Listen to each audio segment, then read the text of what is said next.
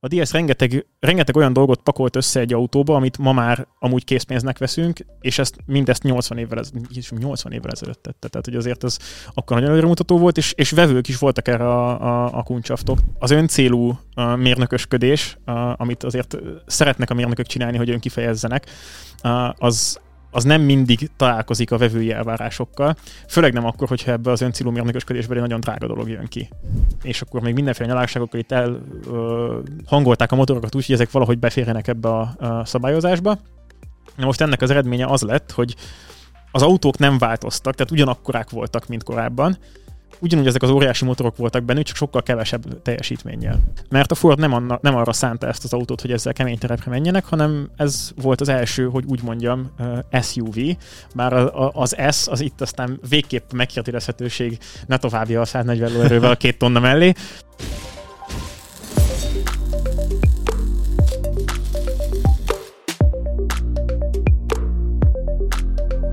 Sziasztok! Ahogy látjátok, egy teljesen más környezetből érkezik hozzátok most a Behind the Blueprint podcastnak az új adása, és itt van mellettem a stúdióban Dávid. Sziasztok! Nagyon izgatottan vártuk ezt a pillanatot, mert kíváncsiak voltunk, hogy fog működni ez a stúdió, úgyhogy mindenképpen hagyjatok majd kommenteket, hogy hogy tetszik az új setupunk mi nagyon bízunk benne, hogy... Hát nem a miénk, de, hát de nem, a, igen, azért nem akarjuk teljesen elvenni itt a, a babírokat, mert nem, nem, nem mit dolgoztuk ki magunknak ezt a stúdiót ilyenre, viszont uh, nagyon bízunk benne, hogy uh, egy minőségi ugrás lesz a, a, innentől fogva a, a műsor uh, vitelében is, és, és a, a műsornak a hang és képi minőségében is. Illetve reméljük, hogy mi meg tartalomban tudni fogjuk tartani a szintet ezzel a minőséggel, és érdekes témákat fogunk tudni hozni továbbra is ez majd a mi részünk lesz mindenképpen, úgyhogy ezen tudunk majd a legegyszerűbben dolgozni. A mai témánkra rátérünk egy picivel később, de előtte ugye azt tudnotok kell, ezt párszor elmondtuk már itt a podcastban is, hogy ez a podcast az egyik projektje az Egyesületnek, a Járművérnökök Egyesületének, akivel, vagy akinek a, a részei mi is vagyunk. Dávid kicsit szervesebb része, mint én, hiszen ő az elnök. És Azért ne vitassuk a te érdemeidet se. Jó, hát Köszönöm. Igazán kedves ez tőled. lett arca és hangja. Sőt, sőt. Uh, próbálok ezen majd, ezen is majd próbálok javítani azért így a, a, az év folyamán. Minden esetre uh, amit ebből ki akartam hozni az az, hogy a podcast csak az egyik projekt, projektje az Egyesületünknek, és az egyik legnagyobb projektje viszont a Formula Student East, az itthoni, vagy egy régiós egyik legnagyobb konstrukciós mérnökverseny, és ezzel kapcsolatban egészen nagy fejleményeink vannak. Igen, ezt a formastrend témát érintettük már néhányszor, az adásokat ugye ezzel kezdtük, vissza is utaltunk rá többször, ez miért nagyon hasznos rendezvény a fiatal mérnök generáció számára, meg hát ugye az idősebb már gyakorló számára is. És ugye idén nyáron is szeretnénk megrendezni a formastrend tisztet Magyarországon, és úgy látszik, hogy a csapatok is szeretnének eljönni hozzánk, ugyanis most zajlott a regisztráció, 260 csapat regisztrált idén hozzánk, hogyha jól emlékszem. Azt hiszem annyiból válogattunk ilyen, mert hogy ugye az, Igen. hogy 260 regisztrált, az azt jelenti, hogy 260-an voltak érdeke, érde, 260-an érdeklődtek a versenyünk iránt, de hogy őket mindannyiukat nem tudjuk azért a Hungaroringen elszállásolni, úgyhogy ebből 84. 84-en lesznek majd ott. Igen, 84-et ki is válogattunk a, a kvíz alatt, úgyhogy a versenyünk az betelt gyakorlatilag idén is egy nap alatt, aminek nagyon örülünk, ez mindenképpen egy pozitív visszajelzés illetve amit itt még érdemes lenne kimer, kivesézni, és most a felkészületlenség megint ki fog derülni, mert ugye... Jó, hogy beharangoztuk, hogy mi Igen. oda tesszük majd magunkat a, a, a szép új környezethez. Hát legalább hamar romboljuk az illúziókat. Ö, kijött az új világ, világranglista is múlt héten. Ugye a Forma Studentben a rendezvények, az egyes események, azok egymástól függetlenek, viszont a német versenyrendezői azok fenntartanak egy olyan listát, ami próbálja agregálni az eredményeket és ez nekünk kettő dolog miatt érdekes rövid távon, hosszú távon szerintem ennek a relevancia azért kérdőjeles, mert aki Igen, ebben így... részt vesz, az már tanul és ezáltal épül, úgyhogy ezen a listán elfoglalt hely az nem feltétlenül determinálja azt, hogy valaki mennyire jó mérnök később. A nem Formula Studentes nézőinknek beszúrnám, hogy ez a csapatokat uh, rangsoroló ranglista, tehát úgy világranglista, hogy a világ összes Formula Student csapata elvileg szerepel rajta, és ők vannak besorolva azt szerint, hogy milyen eredményeket értek el bizonyos uh, versenyeken. Igen, és hát ugye a magyar csapataink azok jól szerepeltek szerencsére. A BMF Forma Racing Team, hogyha jól emlékszem, akkor 16. idén. Bizony 16. az elektromos ranglistán. Ami nem egy szemjegyű ugyan, de azt tegyük hozzá, hogy ez egy 300-as csapatlista körülbelül, amiről beszélünk, és abból 16-nak lenni szerintem igen szép eredmény, úgyhogy gratulálunk a BMF Forma Racing Teamnek és remélem, hogy János a Győri Igen, az Arabona Racing Teamből fel vagyok készülve, viszont így most akkor a a másik BMS csapattal majd egy kicsit hadilában fogunk állni. Viszont az Arabon Racing Teamnek... és akkor elkeresek gyorsan. Jó, addig, addig megpróbálom addig elnyújtani a mondókámat, hogy addig Dávid kiderítse ezt az eredményt. Uh, ugyanis uh, hát az én régi csapatom, hogy egy kicsit még így uh, a saját vonatkozásomat is bele uh, ebbe. Uh, 30. helyet foglalja el most a belső égésű motorosoknak a ranglistáján. Uh, ott hát ha jól tudom, akkor ott azért a 300-nál is több csapat szerepel, mert ugye a belső égésű kategóriával kezdődött a Formula Student, tehát ott egy népesebb lista van. De ezúttal is nagyon gratulálok a, az ART-nek, hiszen a, ők talán nagyobbat is léptek előre, mint, a, mint az FRT. Az FRT nagyon jól szerepelt már az előző szezonban is, viszont az ART most egy óriási ugrást tett a, a top felé, úgyhogy gratulálunk, és bízunk benne, hogy idén is ilyen szép eredményeket fogunk majd látni a magyar csapatoktól akik között ott van a BM Motorsport is, uh, és látom már Dávid nagyon bőszen uh, hajtja ezt az eredményt, amire, amire kíváncsiak vagyunk, és kíváncsiak vagytok, hiszen nem szeretnénk emellett elmenni. Um, ugye a BM Motorsport, ők uh, nem régen indultak, talán 2010 évszámot nem mondanék, 8, de egy, egy pár éve, tehát egy nagyon, nagyon gyorsan fejlődő csapat, igen, az igen. biztos. És hát most találtam egy 64. helyet egyébként, és ez 2022 9. -e az. Az reális lesz szerintem. verseny. Hát, bocsánat, ez szerintem csak a spanyol versenynek az eredménye, vagy az alapján lévő eredmények. Szerintem uh, gratuláljunk a BMW Motorsportnak és a gyors fejlődéshez, mert most Igen. nem találnék gyorsan olyan számot, ami, amiben maga biztos tudnék lenni. És, és még egy aspektusát viszont elővenném ennek a világranglista kérdésnek, az pedig a versenyek rangsora, mert ugye ennek a világranglistának az egy trükkje, hogy nem minden verseny egyenértékű. Ez nem azért van, mert hogy valakik jobb versenyt tudnának rendezni, mint mások, hanem ugye minden versenyen más-más csapat összetétel van, és nem ugyanaz elérni egy elsőt, mondjuk egy olyan rendezvényen, ahol ott volt a világ 30 legjobb csapata, meg egy olyan rendezvényen ott volt a világ 5 legjobb csapata, és ezt a fajta különbséget ez a lista egy úgynevezett competitiveness faktorba sűríti, ami jellemzi azt, hogy az a versenyképességi tényező. A verseny versenyképességi tényezője, ami jellemzi azt, hogy mennyire volt nehéz adott rendezvényt megnyerni, és mind a belső égés, mind pedig az elektromos kategóriában a mi versenyünk az igen jól szerepelt. És ez alapján, lista alapján elektromos kategóriában a harmadik legerősebb verseny vagyunk Európában, de szerintem mondhatjuk az egész világon. Ez amennyire tudom, ez globál uh, ranking, úgyhogy szerintem előlegezzük meg magunknak ezt. Veregessük meg a saját vállunkat ezzel, Igen. és uh, belső égésű kategóriában pedig a második. Ami szerintem egy olyan dolog, amire büszkék lehetünk, illetve én személyesen is büszke vagyok arra a csapatra, ami ezt felépítette az elmúlt tíz évben, hogy egy ilyen nemzetközi rendezvényt tudjunk Magyarországon üzemeltetni. Úgyhogy gratulálok a kis csapatnak is. Én is gratulálok ehhez, és én azért is uh, külön szeretném kifejezni a hálámat, mert hogy én azon a versenyen uh, tényleg, ahogy a Dávid mondja, én vagyok. Ennél sajnos jobb arcot nem találtak a rendezvénynek Dávidék, úgyhogy uh, minden egyes nappal úgy ébredek fel, hogy csak lesz valaki, aki majd jobb lesz, de még mindig nem volt.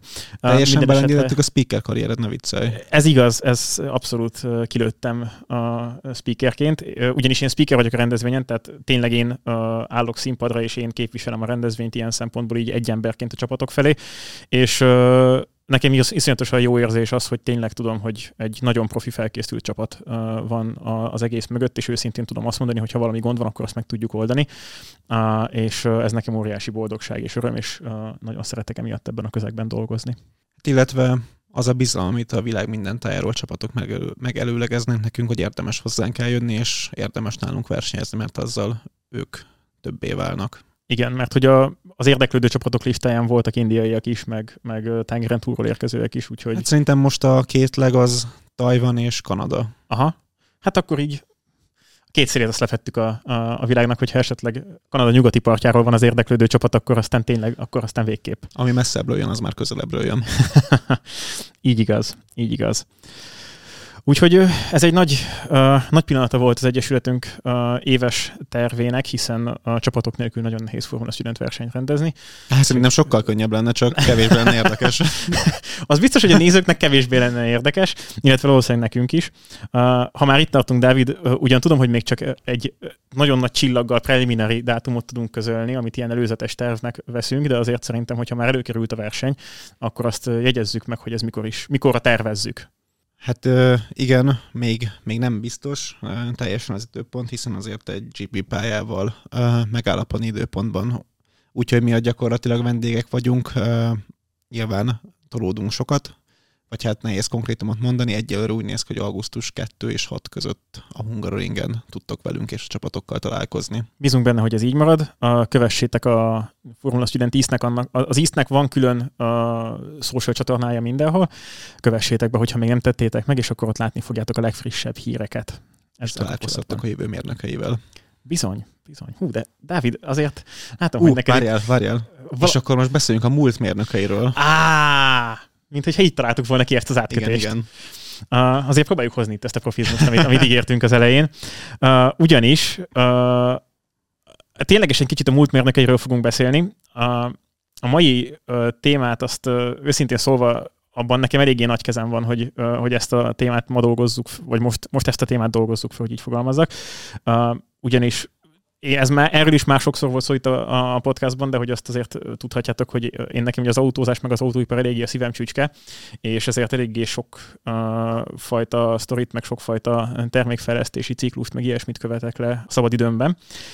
És most mindenki erről beszél, hogy az autóipar mekkora uh, hogy is mondjam, válaszút elé áll, és hogyha most valaki uh, jól eltalálja azt, hogy milyen termék uh, kell lép piacra, akkor azzal uh, sokáig meg tudja határozni a sikerességét, illetve sokáig tud piaci dominanciát uh, szerezni, és a többi, és a többi. És arra gondoltam, hogy milyen jó lenne, hogyha ránéznénk arra, hogy uh, régebben voltak-e ilyen pillanatok esetleg az autózásban. Ekkorák valószínűleg tényleg nem voltak, mint ami most van. Azért ekkora, a, Szerintem ekkora az állítás az megállja a helyét, hogy az autóipar az ebben a tíz évben, amiben most élünk, nagyobb fejlődésen fog keresztül menni, mint az elmúlt 50 évben összesen ment. Én átalakulást mondanék elsősorban, de fejlődés is, fejlődéssel is jár ez mindenképpen. Uh, és uh, ez, ez, ez abszolút így van, uh, és ezért gondoltuk azt, hogy egy kicsit visszanézünk az időben, és megnézzük, hogy mik voltak azok a járművek, amik valamilyen szinten kilógtak az akkori uh, átlagból, és valamilyen szinten nem tartoztak bele abba a korba, amit, uh, amit ők ott, uh, amikor megjelentek, és uh, erre vannak sikeres példák, vannak olyan autók, amik, amik korábban jöttek, mint, mint mások, és ezzel sikeresek voltak és trendet teremtettek, illetve vannak olyan autók, amik meg vagy elkéstek, vagy így egészen más, hogy egészen más rossz időzítéssel érkeztek, és emiatt, emiatt nem voltak akkor éppen sikeresek, amikor megjelentek. Igen, hát az áttörésnek van egy olyan tulajdonsága, hogy senki nem látta jönni, és azért áttörés, mert hogy az egy korábbi dolgokhoz igen, képest és, formabontó. Igen, és hogyha ez ugye akkor lesz sikeres, hogyha erre vevő is a, a, a, a vevő. Tehát az öncélú mérnökösködés, amit azért szeretnek a mérnökök csinálni, hogy önkifejezzenek, az, az nem mindig találkozik a vevői elvárásokkal, főleg nem akkor, hogyha ebbe az öncélú mérnökösködésben egy nagyon drága dolog jön ki. Hát igen, illetve az a kérdés, hogy sikerül-e kommunikálni azt, hogy hogyan kellene, hogy alakuljanak a vevői elvárások. Persze. Tehát az, hogy van egy megszokott status quo, egy state of the art, amiben mindenki várja az inkrementális fejlődést, ahhoz képest valamilyen disruptív dolgot csinálni. Ott azért nem feltétlenül a vevőigények nem találkozása van, hanem az újtól való félelem is, is bejátszott, Bizony. és hogyha nem sikerül ezt jól kommunikálni, hogy, hogy erre igenis szükség van, ettől igenis jobbak lesznek a dolgok hosszabb távon, akkor könnyű kudarcba ütközni. Én bele is kezdenék rögtön az elsőbe, hogy egy példával illusztráljuk azt, hogy miről lesz szó, mert uh, talán az, az, az segít majd eltájolni a dolgokat. Uh, az egyik példa, amit, amit hoztam, az pontosan egy, ha disruptív szót használhatunk egy, uh, hogy is mondjam, 20. században uh, megjelenő autóra, akkor szerintem nagyon kevésre használhatjuk ezt jobban, uh, mint a Citroen DS-re. Uh, aki esetleg nem ismerné a Citroen DS-t, erről fogunk bevágni majd egy képet ide a, a videóba a, a hallgatóságnak és a, vid- és a videót nézőknek viszont először is megkérném őket, hogy tippeljék meg így magukban, hogy ez az autó vajon, hogyha nem tudják, hogy mikor jelent meg, akkor tippeljék meg, hogy, hogy ez körülbelül mikor jelenhetett meg ez az autó, egy ilyen pár másodperc. Csendet adok ehhez. És nem akkor jelent meg, hanem sokkal korábban. Ugyanis 1955-ben járunk, amikor még mindenki ezeket a... Most mit fogsz csinálni, ha valaki azt mondta, hogy 1955 otthon, és nem hallottad? Hát akkor, aki 1955-öt tippelt, az veregesse meg a saját vállát. Ezután az jelez a kommentben, és Jani küld neki egy Igen, csukit. és, és küld... Hát... Dávid, köszönöm. De még akár ezt is bevállalom. Bár azért a DS az egy eléggé ismert autó pontosan emiatt, hogy uh, 55-ben, hogyha körülnéztünk a uh, különböző gyártóknak a termékpalettáján, főleg Európában, de akár Amerikában is, akkor azért még, uh, hát ugye tíz évvel vagyunk a második világháború után, ahol nagyon sok technikai fejlesztés történt, csak nem éppen a személyi autózás terén.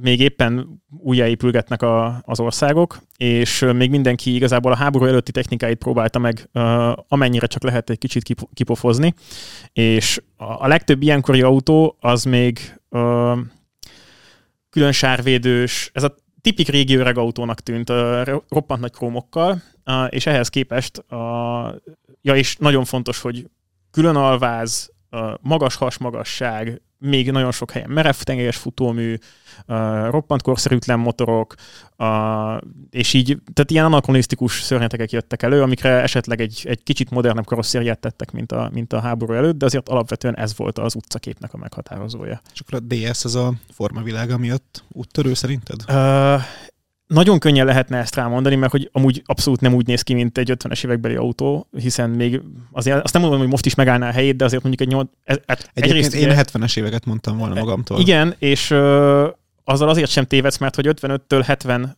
ö, 8-ig, 74-ig gyárt, a kettőből valamelyik ideig gyártották. Tehát a 70-es években még gyártották a Citroen DS-t, ugyanakkor már volt egy frissítés, akkor már ezt a Face 3-as autót gyártották, aminek az első Azért a 20 éves modellciklus az ma már egészen extrém. Pontosan, tehát ez azért szerintem mutatja, hogy önmagában formával szerintem eddig nem lehetett volna elvinni a, a, az autót, és pontosan ez van, hogy a, a DS azért volt csodálatos, mert egyrészt a formája az teljesen más volt, mint amit akár azóta is, meg amit azelőtt is megszokhattunk az autóiparban, viszont az alatt rengeteg olyan technikai megoldás is volt, amik valójában könnyebbé tették az autó vezetését, és ténylegesen közelebb hozták ezt az egész autózás dolgot a, a, a vásárlóhoz. Most itt, hogyha elkezdjük ezeket sorolni, akkor ebből eléggé sok lesz, de megpróbálok azért egy, egy-két sarkalatos ponton végigmenni. De, de amúgy, Dávid, azt megkérdezem tőled, hogy te mire gondolsz, hogy mondjuk a Citroen DS az, az technikai szempontból, te mit kötnél hozzá? A hidrodinamikus felfüggesztést. Igen, hidro, hidropneumatikus egész pontosan, ha így, így fogalmazunk. De igen, a hidropneumatikus... Igen, ez lesz az adás, amikor kiderül az, hogy a János mennyi mindent tud lexikálisan az autóipar, én pedig mennyi mindent nem. Úgyhogy, és, és én a, a kommentelők meg remélem, hogy ki, majd ö, szembeállítják Dávidot azzal, hogy a János amúgy mennyire csak úgy tesz, mintha tudna egy csomó mindent az autóiparról, és amúgy mégsem. Ilyet a cserébe uh, majd csinálunk valamilyen villanyautós témát megint, és, aha, akkor, és akkor én itt, itt fogok ülni, és csak kérdezgetem az alapkérdésémet, hogy most akkor ez mitől is megy. Na szóval, amúgy a hidrogen, a futómű az, az nagyon, nagyon emblematikus eleme volt a, a DS-nek.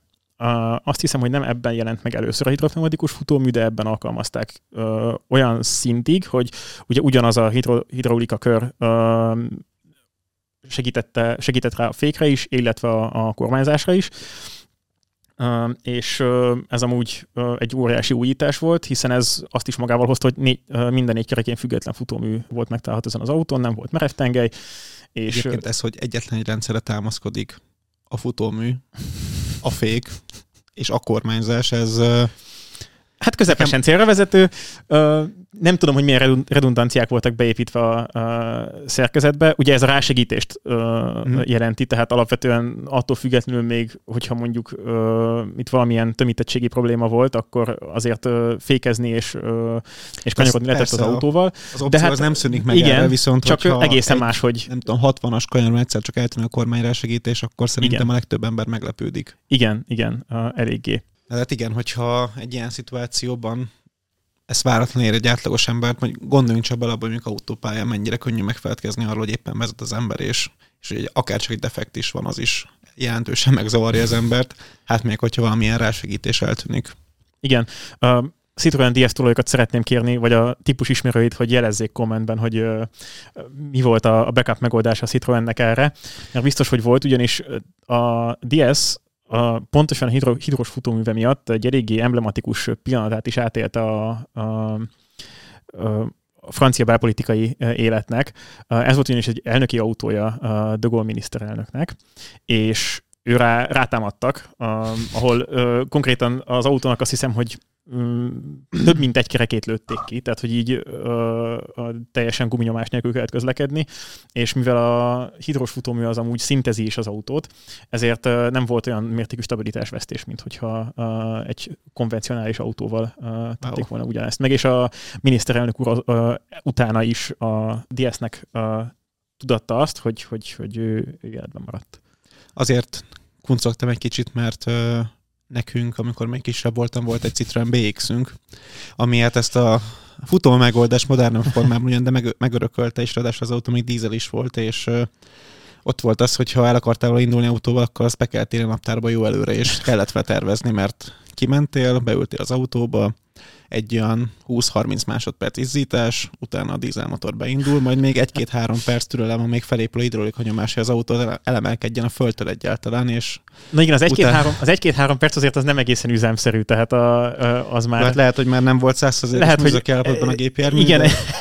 ezt, ezt mindenképpen szeretném volna megjegyezni, hogy ez amúgy nem erről volt híres a, a, a DS, meg máig sem. Jó, lehet, ez... hogy nem volt három perc, de azért uh, ahhoz képest, hogy beülsz indítasz. Á, mész. igen, tehát nem egy ilyen, ne, nem egy ilyen Volkswagen-es villanyautó, ahol beleülünk, és még csak startgombot se kell nyomni, és csak megyünk előre.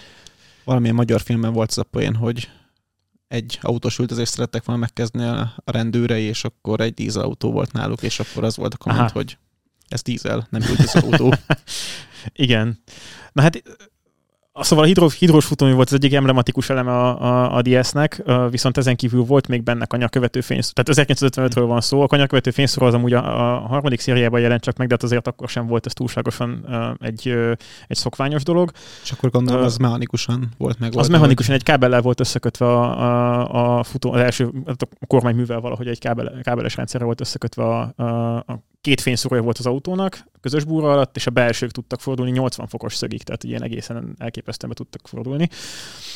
A, a francia autóipar az miért szereti a, az indoklatlanul overengineered megoldásokat? De ha belegondolsz, kanyarkövető fényszórónk ma is van, és most mennyivel indokolatlanul over, az, hogy uh, mikroszkópikus méretű kis tükröket kapcsolgatunk ott a megledeket a, a, a fényszóróban, mint az, hogy egy kábellel összekötünk egy nagy uh, uh, fényszórót a, a búra alatt.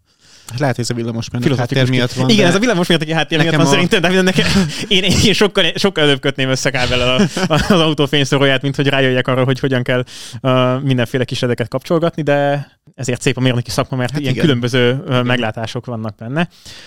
A DS-ben még ami fontos volt az az, hogy négy tárcsás volt a fékrendszere is, amennyire, ha, ha, ha nem csal az emlékezetem, és mivel első kerékhajtású is volt mindemellé, ami akkoriban egyáltalán nem volt szokványos, nem a mostani uh, keresztmotoros első kerékhajtásos rendszer volt benne, hanem a Citroen által uh, pionírként uh, megtervezett hossz motor első kerékhajtásos motorelrendezése volt az autónak, de ez ugye azt eredményezte, hogy nem volt például olyan nagy kardán alagútja, mint az akkori szokványos gépjárműveknek, sokkal alacsonyabb volt a, az építése, a kocsinak nagyobb volt viszont ez, ezzel együtt a beltere.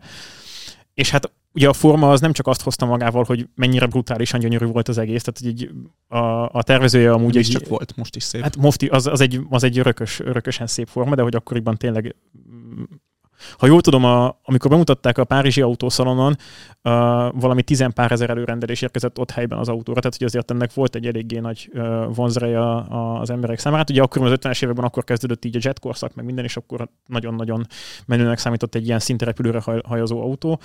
Uh, egy ipari, ipari uh, egy szobrászművész volt a, a formatervezője amúgy a kocsinak, tehát azért is kaptuk ezt a szép formát, és hát ez amúgy szélcsatornában is járt ez az autó már akkor, tehát uh, ilyen 0-30 körüli légállása volt az akkori 0, mit tudom én, 50 környéki átlagautókhoz képest, szóval uh, nagyon szeretem azt hallgatni, Jay Leno szokta ezt mondani, hogy neki van egy Citroen sm ami ennek a kupé verziója, uh-huh. és uh, mindig azt mondja, hogy ha ő ezt kiteszi üresbe autópályán, akkor szinte alig lassul az autó, és, és hogy ezzel méri, hogy, hogy milyen légállás van. Akkor hát ez amúgy tényleg egy, egy ilyen érezhető dolog, úgyhogy a DS rengeteg, rengeteg olyan dolgot pakolt össze egy autóba, amit ma már amúgy készpénznek veszünk, és ezt mindezt 80 évvel, ez, 80 évvel ezelőtt tette. Tehát, hogy azért ez akkor nagyon előremutató volt, és, és vevők is voltak erre a, a, a kuncsaftok, tehát ugye már a, a bemutatásnál azt szerintem leginkább a formának volt betudható, hogy, hogy annyian elő, előrendelték, de utána ez konst, egy, egy nagyon egy folyamatos siker volt az autó. Tehát a legmagasabb darabszámban pont a 70-es években gyártották, szóval ez így nem ment ki a divatból egyáltalán mm. a mhm. konstrukció. És a 20 év ezt jól bizonyítja, igen. hogy addig gyártásban volt. És ugye ilyen másfél-két millió darab, majdnem két millió darabot gyártottak le, tehát azért ez még a 20 évre elosztva is egy eléggé szép darabszám, főleg az akkori autópiacot ismerve. Úgyhogy a DS az pont egy az szerintem egy emblematikus példája annak, hogy valaki nagyon, nagyon nagy sikert tud elérni azzal, hogyha megelőzi a korát, és, és jól tudja ezt tálalni. Lehet nagyot álmodni. Igen. Hát itt nagyon nagyot kell álmodni, mert ugye még minden mellé volt a, az autónak ugye műanyag karosszériája is, meg, meg tehát csomó innováció volt benne, amiről nem beszéltünk, de és ezt tényleg egy csomagban megkapni, az, az nagyon-nagyon kemény volt, és az egyetlen hátulütője a, a kocsinak az volt, hogy relatíve elavult motorok voltak benne, terveztek hozzá egy hathengeres boxermotort amúgy, csak hát egy idő után, hogyha belegondolunk abba, hogy mennyi minden új, újítás volt az autóban, és ezt mind ki kellett fejleszteni, egy idő után elfogyott a, a pénz, és az már nem, nem került bele. Én ezt akartam én is még felhozni, bár nem tudom, mennyi időt szerintem még a DS-nek elnézve a listát, ami előttünk van, hogy az, amit most elsoroltunk, ez nyilván még abban is sok, hogy egy adott akkori iparágban mennyi minden innovációt pakoltunk bele egy termékbe. De az, hogy mögött volt egy, egy gépezet, egy szervezet, emberek tömege, akik ezt összerakták, koordináltan, és a vége egy működőképes termék lett, és nem, bár nem voltunk ott, de úgyhogy lehet, hogy voltak vele a kezdetekben problémák, de a siker az arra utal, hogy, hogy azért ez egy működőképes kerekegész szerkezet lett a végén, és ezt azért még a mai modern kommunikációs és menedzsment és egyéb eszközökkel is kihívás összerakni, nem hogy így az 50-es évek derekán.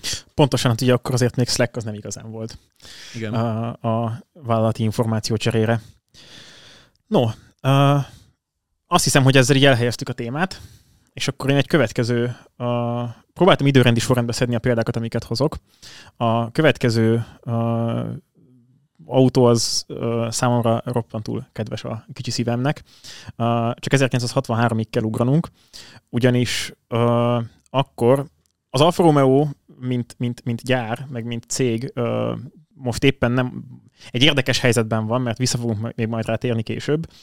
Uh, viszont a háború előtt mindenképpen a, az abszolút csúcskategóriáként tartották számon, és, és utána is egy ugye akkor még nem volt sem Audi, sem BMW, uh, vagyis hát már BMW kezdeményezés, kezdeményezései voltak, de még akkor így nem volt ennyire kialakult brand, mint manapság. A Mercedes már azért uh, uh, akkor egy, uh, egy eléggé, hogy is mondjam, a helyét megtalált autógyártó volt a világban, de pont ott volt mellett a, az Alfa Romeo abszolút, mint az egyik csúcskategória egyik képviselője.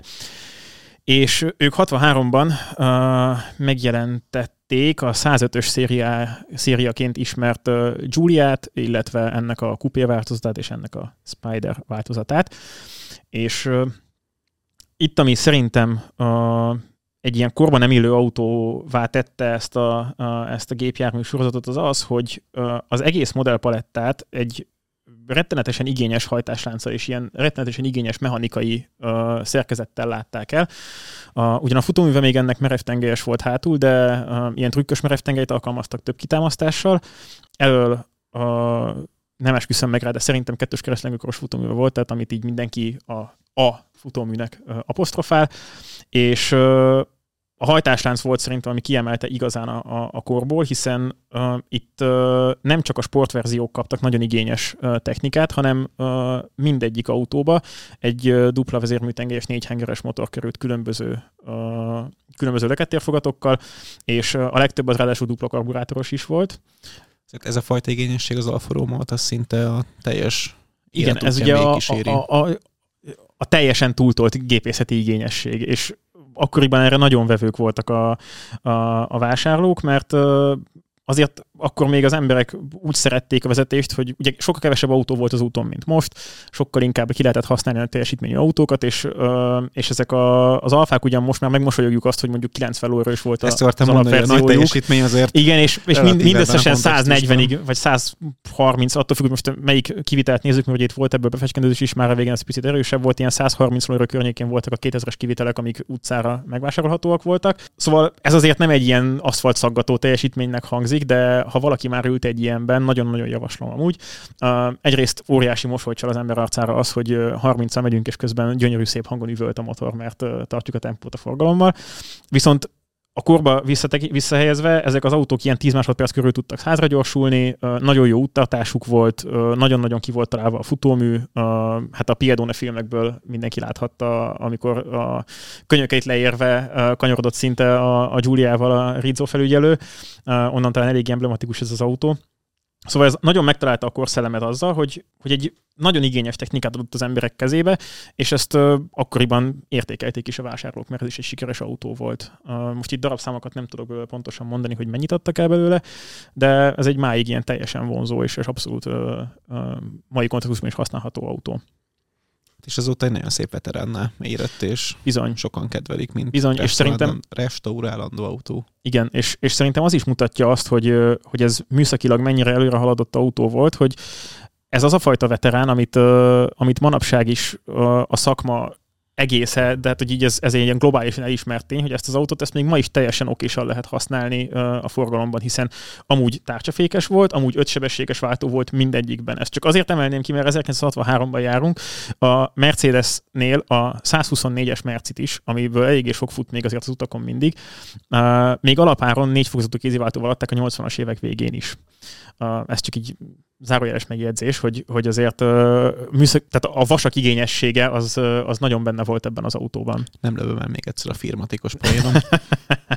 igen, igen, az nem, az nem a sebességfokozatok számára utal. Szóval, szóval ez tényleg egy ilyen nagyon nagyon kellemesen használható autó volt, és még ma is az, tehát azért is épült rá ki egy ennyire uh, széleskörű a közönség, hogy ezt az autót esetleg modernizálják, vagy akár teljesen új állapotúba visszahozzák, mert, mert hogyha ezt az ember megteszi, akkor nem egy ilyen brutális kompromisszumokkal használható autót fog kapni a végén, hanem teljesen normálisan lehet vele akár 130-al autópályázni, nem eszi le az ember fejét, mert ilyen, mit tudom én, 9-10 liter körül lehet vele járkálni, még hogyha normálisan használja az ember, és, és amúgy meg egy megbízható konstrukció volt, tehát hogy nem egy uh, ilyen hogy is mondjam, balettcipőben beleülünk, és akkor csak a, a száraz napokon hozzuk elő a garázsból című kocsi, hanem ez így tényleg bírja normális használatot is. Apróból megbízhatóság, ugye az alfákat gyakran éri ez a kritika, hogy hogy hát az alfa tulajok a szerelőnél ismerik, ismerik meg egymást és, és hasonlók, de hogyha most már kiemelted a megbízhatóságot régen, akkor azt tudod, hogy most nem jelent meg a, Egyesült Királyságban az autóknak a megbízhatóságát felmérő. Átadom neked, Dávid, ezt, a, ezt, a, ezt az örömet, hogy, hogy ezt elmondhassd. Hát ennek a listának az elsőjén egy az Alfa Romeo Giulia szerepel. Igen, igen. Hogy hogyan sikerült, azt egyébként magam sem tudom, de... Nagyon szeretnék, meg, mind a ketten Dávid, nagyon szeretnék megtapasztalni azt, hogy milyen Alfa Romeo Giulia tulajnak lenni, de még ez egyelőre nem jött össze egyikünknek sem, bár Dávid kicsit közelebb áll hozzá. Hát van egy 159-esem. Igen, és, és amúgy az előbb nagyon-nagyon uralomra volt nálam, hogy nem sütöttem el azt, hogy és neked milyen alfás barátaid vannak, Dávid, akikkel a szerelőnél ismerkedtél meg, de, de tudom én is, hogy ez azért az alfák azért most ezek nagyon nagy kijelentésben nem fogok belemenni, de minden esetre azért uh, te, több törődést igényelnek, mint az átlag viszont hogy az ember ezt megadja nekik, akkor, ez, akkor ezek a megbízhatósági problémák, amiket uh, sokszor apostrofálnak a, a tulajok, az nem biztos, hogy teljesen megalapozott lesz. Szépen lezártad Ilyen ezt szépen lezárjam ezt a gondolatívet. No, Szóval volt egyszer egy alfa, aki, aki nagyon jól tudott ezzel lépni, és, és ugye ez a 105-ös széria is sokáig volt azért gyártásban, viszonylag sokáig volt, ez is 70-es évek közepéig még bőségesen ment. A Spider az ráadásul az ennek az alapja épített Spider az még tovább, úgyhogy azért tényleg nem kellett. Ez szép autó. Bizony, és abból ugye nagyon-nagyon sok volt, és nagyon sokáig húzták ki ennek a motornak a használatát, tehát ez a motor ez még a 164-esben is volt, úgy ott, ott ért, fejezte be a szolgálatát. De hogy ez a platform ez nagyon sokáig élt, az a 90-es évekig gyártották amúgy azt a Spider-t, és még akkor is egy teljesen vállalható autó volt dinamikailag, szóval ez, ez úgy mondjam, egy ilyen 30 évvel megerőzte a korát menet dinamikailag ez a, ez a platform. No, lépjünk előre egy kicsit megint az időben, és most egy egészen más... Egyébként nem csak időben utazunk, most nézem, hanem a térképen is. A térképen is mászkálunk eléggé igen, rendesen, hiszen eddig Európában voltunk, és most egészen más, egészen távolra fogunk innen ugrani, ez a távol-keletre. Hát meg ugye az autóiparnak is egészen színes képviselőit vonultatjuk fel, francia, olasz, és igen. akkor most megyünk Japánba. Most megyünk Japánba, és ö, szerintem ez a, a ez a következő alanyunk, ezt talán több, vagy több magyarázatot fog igényelni, vagy pedig nagyon váratlanul fog érinteni sok mindenkit, de én, én, én letenném mellette a voksomat mindenképpen, nem csak azért, mert nekünk Hondánk van, és nagyon szeretjük otthon ezt a, a Hondánkat már lassan 20 éve, mert teljesen hibátlanul működik, és mindent tökéletesen csinál, hanem azért is, mert tényleg azt gondolom, hogy ha megnézzük a történelmi kontextust, akkor ugye 73-ban volt egy olajválság, és onnantól aztán tényleg az embereknek az, hogy az autó mennyit fogyaszt, az egy komoly kérdésé vált hiszen a fenntartásban nagyon beleszólt az, hogy, hogy most akkor annyit fizetünk az üzemanyagért. És voltak, akik már erre azért jóval korábban felkészültek. Ugye az európai autóipar az eleve visszafogottabb autókat gyártott, mint az amerikai. Ugye Amerikában volt egy ilyen nagyon nagy dörrenése ennek az olajválságnak, és ugye a japánok is eleve kisebb autókkal álltak neki a, az autógyártásnak, és uh, 72-ben hozták ki az első generációs Honda Civic-et, ami így pont, pont beleérkezett ebbe az olajválságos időszakba. Tehát ugye 73-tól uh, volt ez az igazi nagy krízis Amerikában, és uh, 72-ben jelent meg a Civic, aminek az egyik nagy truvája az volt, hogy nagyon jó károsanyag kibocsátási értéket tudott teljesíteni az autó, mert hogy volt egy CVCC rövidítésű rendszer a motorjához illesztve, ami a Compound Vortex Controlled Combustion-nek a rövidítése volt. És, uh, Hogyha fordítva mondtad volna, akkor az elektromos autó töltési ciklust is jól leírja ez a betűszó. Na hát ennyire megelőzte akkor át a Civic, hogy, hogy már az elektromos autós rövidítéseket is alkalmazta. Most itt a CVCC működésében nem megyünk bele, mert teljesen fölösleges. Az a lényeg, hogy katalizátor nélkül tudta teljesíteni a kaliforniai szigorú emissziós normákat, amiket mindegyik másik autó csak katalizátorral tudott. Zárójeles megjegyzés egyébként ezt az olmozott üzemanyag témát is egyszer körbejárhatnánk, mert ez is nagyon Igen. érdekes történet, Igen. hogy annak és hogy alakult a Igen, és ugye itt, itt ugye pont ö, érdekes volt ez a ö, sztori, mert szóval itt a Civicnek ö, volt egy olyan rendszere a motoron, ami azt tette lehetővé, hogy a kaliforniai károsanyag kibocsátási, szigorú károsanyag kibocsátási normát is teljesítette a kocsi katalizátor nélkül. A, és ugye a hármas hatású katalizátornak a, a nagy ellensége az az ólom volt, emiatt uh, kellett áttérniük a, a, az amerikai, vagy itt igazából szinte minden gyártó úgy tudta teljesíteni ezt ezt a normát, hogy katalizátort szerelt az autójukba, innentől viszont az olmozott benzint nem lehetett használni. És uh, ugye a Civic az tudott azzal is uh, teljesen jó közlekedni, és uh, már így megelőztek kvázi a korát azzal, hogy nem kellett hirtelen gyorsan valami, uh, valami gyors fixet kitalálni a Hondának, amikor bevezették ezt a rendeletet, hanem az autót tudták tovább árusítani. Illetve, ami még a Civicnél szerintem fontos, az az, hogy úgy, ez egy globálisan sikeres autó volt, tehát Amerikában és Japánban is ezt a két piacot nagyon jól meghódította, illetve ezzel Európában is kezdtek azért, Európában is kezdtek belépni, az angol piacon elkezdték forgalmazni, és azért akkoriban ez a tényleges hatchback elrendezés ez nem volt egy gyakori sztori. A Toyota Corolla, ami ugye a nagyvetétársa volt a, vagy, vagy nagy, nagy vetétársaként gondolunk most rá, a, a Corolla akkoriban még inkább volt egy szedán, mint egy hatchback, és az még mindig egy hosszmotoros hátsó kerékhajtású autó volt, tehát nagyon pici volt a beltere, és egy ilyen nagyon klasszik felépítésre épült. A Golf, Volkswagen Golfot még nem gyártották, az 74-től került piacra. A 127-es Fiat volt még Európában, ami egy, egy igazi hatchback volt, de az igazából csak Európában volt sikeres. Itt nagyon sikeres volt, de azon kívül nagyon más piacra nem tudtak vele betörni. És Golfot később kezdték el gyártani, vagy azért kezdték el gyártani, mert kellett válasz a szívükre? Nem, amennyire én tudom, a Golf az ugye a, a bogár utódjaként kellett, hogy megszülessen, és az nem volt egy egyszerű szülés a Volkswagennél, akkor nagyon-nagyon nehéz helyzetben volt a cég, de nem a Civicre válaszul érkezett, hanem az egy, az egy mm. már amúgy is fejlesztésben álló ö, típus volt, csak a Civic-kel megelőzte a, a, a Honda Volkswagen-t de ettől függetlenül a Golf az nyilván utána átütő siker volt, tehát hogy az egy bomba autó volt, csak, csak a, a Civic előbb jött, és azért ezzel trendet teremtett mindenképpen, plusz ami még ilyenkor ott volt a környéken, amiket, amit még ilyenkor ilyen trendteremtő hatchbackként lehet behozni, ez még kettő darab, ugye a Simca 1100 volt az első igazán ferdehátú autóként uh, felfogható keresztmotoros elsőkerékhajtású autó, és ami még keresztmotoros elsőkerekes volt, Simca 1100, igen, ez egy francia vállalat volt, akik már nem léteznek, de ők voltak az elsők, akik keresztmotor, első kerékhajtás és hatchback formátumot választottak, mert a Renault-nak volt már hatchbackje, csak az nem keresztmotoros volt, hanem hosszmotoros, és ezért kicsi volt a, kisebb volt a beletere és a Mini pedig azért esik ki ebből a sztoriból, hogy még itt megmagyarázzam, hogy a Civic az miért is volt ekkora átütő dolog, a Mini pedig nem volt igazából hatchback, tehát az eredeti Mini, hogyha valaki azt az autót azt jó alaposan megnézi, annak nem nyílik ki a hátsó ablak a, a csomagtér felelével együtt, tehát az nem egy igazi hatch, tradicionális hatchback, hanem annak egy ilyen kis pici bőröntkének éppen elegendő kis, kis lyuk van a, a, a hátuljában. Szóval a Civic az azért volt egy ilyen kor, korszakalkotó autó, hogy úgy mondjam, bizonyos szempontból, mert, mert egy globálisan sikeres autó tudott lenni azért, mert pont beletaláltak abba, hogy az embereknek akkor pici, de mégis műszakilag amúgy igényes autó volt, tehát független futóműves volt, meg, meg hát olyan japánosan precízen volt kidolgozva mindenet, tehát olyan nagyon-nagyon szépen lehetett mozgatni minden kezelőszervét, ami a szívekre azóta is, meg a Hondák azóta is nagyon jellemző, tehát egyik ismerősömnek van nagyon keveset futott Civic és abban is olyan a váltó, meg a kuplung, meg minden, hogy ilyen kis egyújjal lehet az egészet kezelni, és ez már jellemző volt akkor is az autóra, ami az 70-es években nem volt mindenre igaz. Uh, tehát egy könnyen egy kezelhető. adtak, amire éppen jó használni, szükség igen. volt, és nem volt túlzó semmilyen tekintetben, Pontosan. de azt igényesen szolgáltatta, igen. amire pedig szükség volt. Igen. És ez az olajválság, ez vissza fog majd jönni a, a másik felében az adásunknak, mert hogy a ezt nem mindenki ugrotta meg ennyire sikeresen, mint a Honda, hogy finoman fogalmazzak.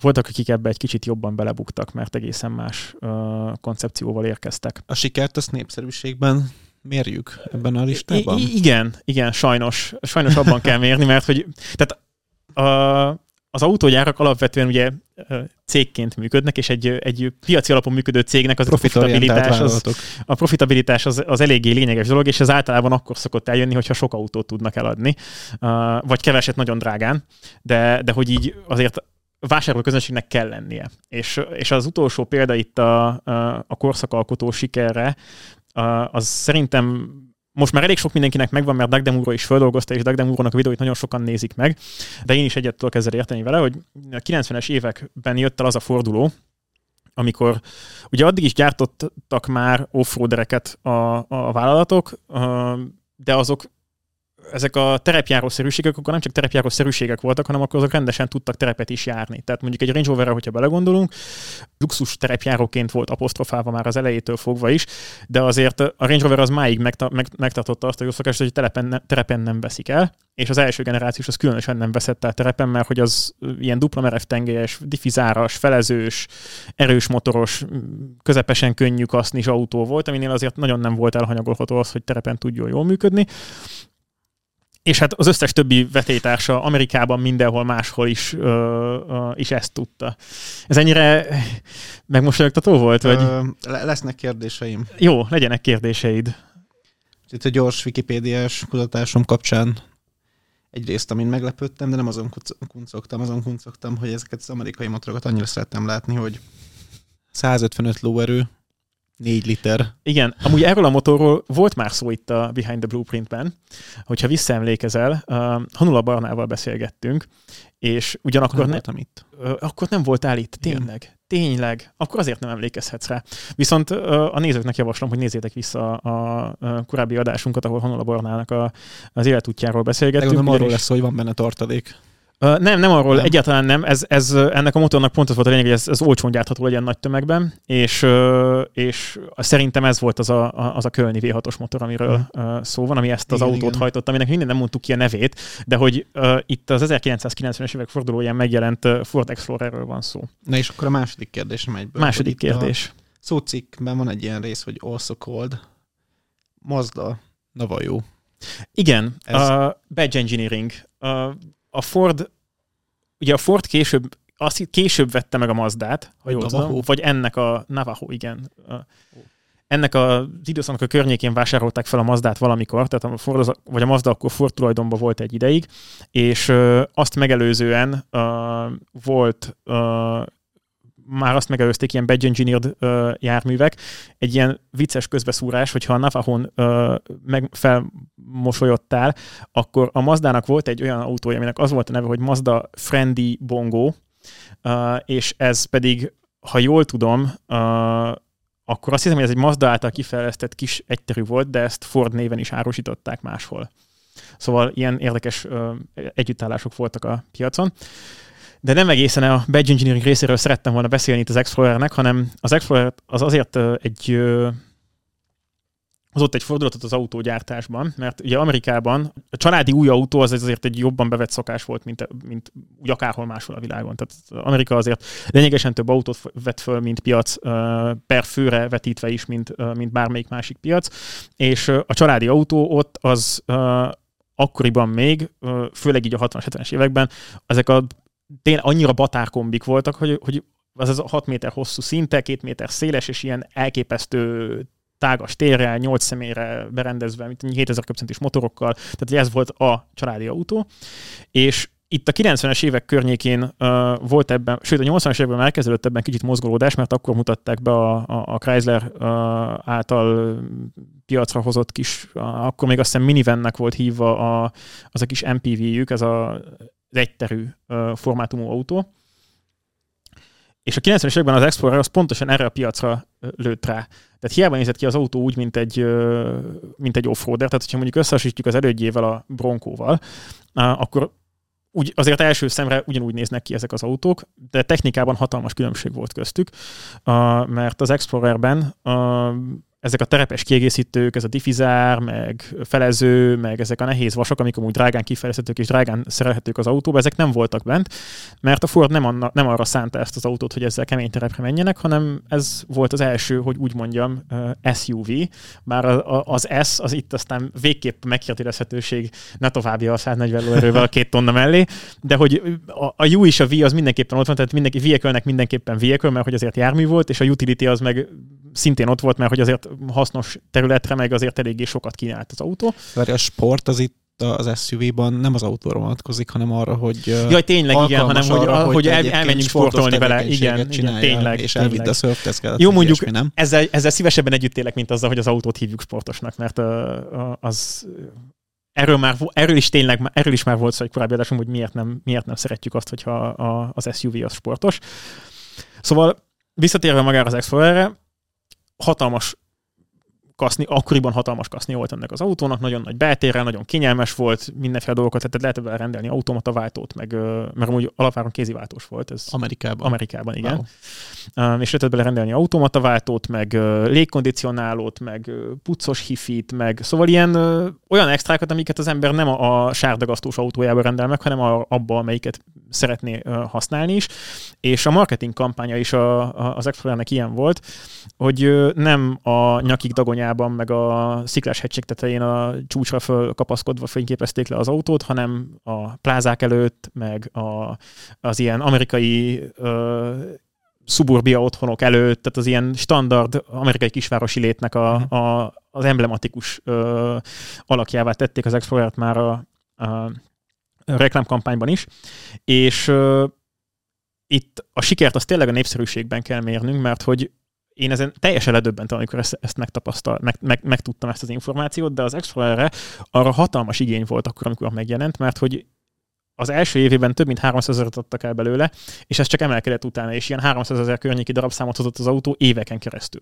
Ez a 300 ezer, ez mit jelent kontextusban? Hány autót adtak el akkoriban Amerikában évente? Ezt így tehát piaci részesedést nem tudok mondani, azt tudom mondani, hogy a, a Chryslernek a, a kisbuszából ami 98-ban jelent meg, tehát akkor már túl voltunk ezen az egész első generációs Explorer hullámon, akkor jött a második, ami szintén ugyanilyen sikeres volt, tehát ez folyamatosan, ez az autó folyamatosan hozta az, az adásokat, ezt a 3-400 ezeres adást, ezt folyamatosan hozta, és a, a Chrysler Minivan az pedig a, a, az új kiadásában 98-ban az első évben tudott 300 ezeret, és akkor utána ez így drasztikusan csökkent le ilyen uh, 150 ezer, 100 ezer, 80 ezer ilyesmi darabszámokra, míg az Explorer azt folyamatosan egy szinten volt. Egyébként igen, hogyha valaki megnézi ennek az autónak a képét, akkor szerintem bármelyik 90-es évből amerikai filmmel legalább három van benne. És nem is biztos, hogy ebből az autóban, mert amúgy nagyon sok minden úgy nézett ki, de, de tényleg ez egy nagyon gyakran. Nagyon klasszikus. Tehát abszolút, abszolút ez a tényleges kockából kocká, kockát, kockára rakunk, és akkor abból lesz egy, lesz egy, egy, egy, egy autónk a végén. És ugye az Explorernek a népszerűségét az is mutatja, hogy ennek volt egy eléggé ismert botránya ennek a gépjárműnek, nem az első generációsnak, hanem a második generációsnak. Ezt Firestone abroncsokkal szállították, és ezek a, a gumik hajlamosak voltak ilyen futófelület leválásra teljesen random, abszolút idő előtt, és abból dinamikai kihívások adódtak, és ezek az autók általában fejtetően végezték sajnos. Ez nyilván egy tehát óriási balon volt a, mind a Fordnak, mind a Firestone-nak, és aztán ott mindenféle perskedés volt ebből, hogy az kinek a hibája is volt a végén, ezt most nem is akarok ebbe belemenni, hogy most akkor ott mi lett a, a végeredménye a pernek, de ez sem tudta megtépezni a népszerűségét a kocsinak, tehát ez ettől függetlenül ugyanúgy vissza tudtak ebből jönni, és, és, és egy sikeres autót máig is. Tehát ugye ma a Ford ezt nemrég jelentették amúgy hogy leállnak minden szokványos uh, autóformájú autónak a gyártásával, tehát nem lesz Focus, nem lesz, uh, ugye Mondeo már régó, Mondeo-t azt már leállították régebben uh, Európában, de megölik Amerikában is. A Taurus sem csinálják tovább, és csak SUV-jük lesz a kínálatban. Uh, és hát ennek az előfutára volt mindenképpen az x mert azzal már ráéreztek arra, hogy ez ez kell az embereknek. És hát már 90-es években ugye Amerikában ez a divat ez elindult, és onnantól nőtte ki magát. Hogy, hogyha csak visszagondolunk a német prémiumoknak a beszállására az SUV piacra, az a 2000-es évek fordulóján történt meg pontosan. Mm. És ez ennek az előfutára volt az Explorer, és a legelső olyan volt, aminek tudatosan a, a, a kampánya is arra fókuszált, hogy ezt nem terepre kell vinni, kérem, hanem ezzel tessék kényelmesen ücsörögni a városi dugóban. Amerikában egyébként még, még megértem, mert ott így méreteiben illik a környezetbe egy ilyen, ilyen autó. Az, hogy Európát is elérte ez a betegség, ez még mindig szomorú. Sajnos igen, ezzel egyetértek én is, ezt nem tartottam volna feltétlenül követendő példának, de hát de hát ez lett belőle. Úgyhogy, úgyhogy ezek, szerintem ez a, ez a négy ö, jármű, ez talán nem is olyan ö, gyak, tehát a, a DS az egy eléggé gyakran felhozott példa, de szerintem a többi az talán nem annyira emblematikusan felhozott példa, de szerintem ezek, ezek eléggé jó ö, jó termékek voltak, amik azt demonstrálták, hogyha mernek szokatlanul gondolkozni a mérnökök, és, és jól mérik fel azt, hogy mire van igény a piacon, akkor azzal nagyon nagyot lehet durrantani, és, és nagyon, nagyon nagy sikert lehet vele elérni. Viszont hát a mérnöki szakma az már csak olyan, hogy szeretem megvalósítani, és ez sokszor szembe megy a, hát a pénzügyi érdekeivel a cégeknek. És uh, még hogyha ezzel a pénzügyi érdekkel szemben is megy, uh, sokszor annyira előremutató uh, technológiát tudnak uh, piacra dobni a mérnököknek a meggyőződése alapján a, a cégek, hogy ez nem feltétlenül válik be a, a vásárlóknál, mert uh, vagy nem lesz rá igény, vagy nem értik, hogy miért kéne, hogy igény legyen rá, vagy pedig egyszerűen nem értik meg, hogy mi az előnye az autónak a, a szokványos társaihoz képest, hiszen azért az autó az egy óriási kiadás mindenkinek, és uh, és hát azért ezt általában nem egy ilyen, uh, hogy is mondjam, csettintésre szoktanak hozni az ember ezt a döntést. Igen, meg azért tegyük hozzá, hogy ezek is olyan példák lesznek, hogy ugyanúgy szerepelhetnének a, a jó kategóriában is, mint a rossz bandát. Amikor ezeket kitalálták, akkor még egyikről sem volt bizonyos az, hogy, hogy pozitív lesz az ügy kimenete, vagy, vagy sajnos a negatív példák között fog szerepelni. De hát a, a kockázatvállalásnak a Igen. kimenetele az, az azért az, az kérdéses, mert a kockázatot vállaltunk, Igen. és nem tudjuk, hogy mi lesz belőle. Igen. Az egyikről szerintem egészen biztos, hogy semmilyen szinten nem állta volna meg magát soha. Uh, ehhez majd oda, hát, oda elérünk.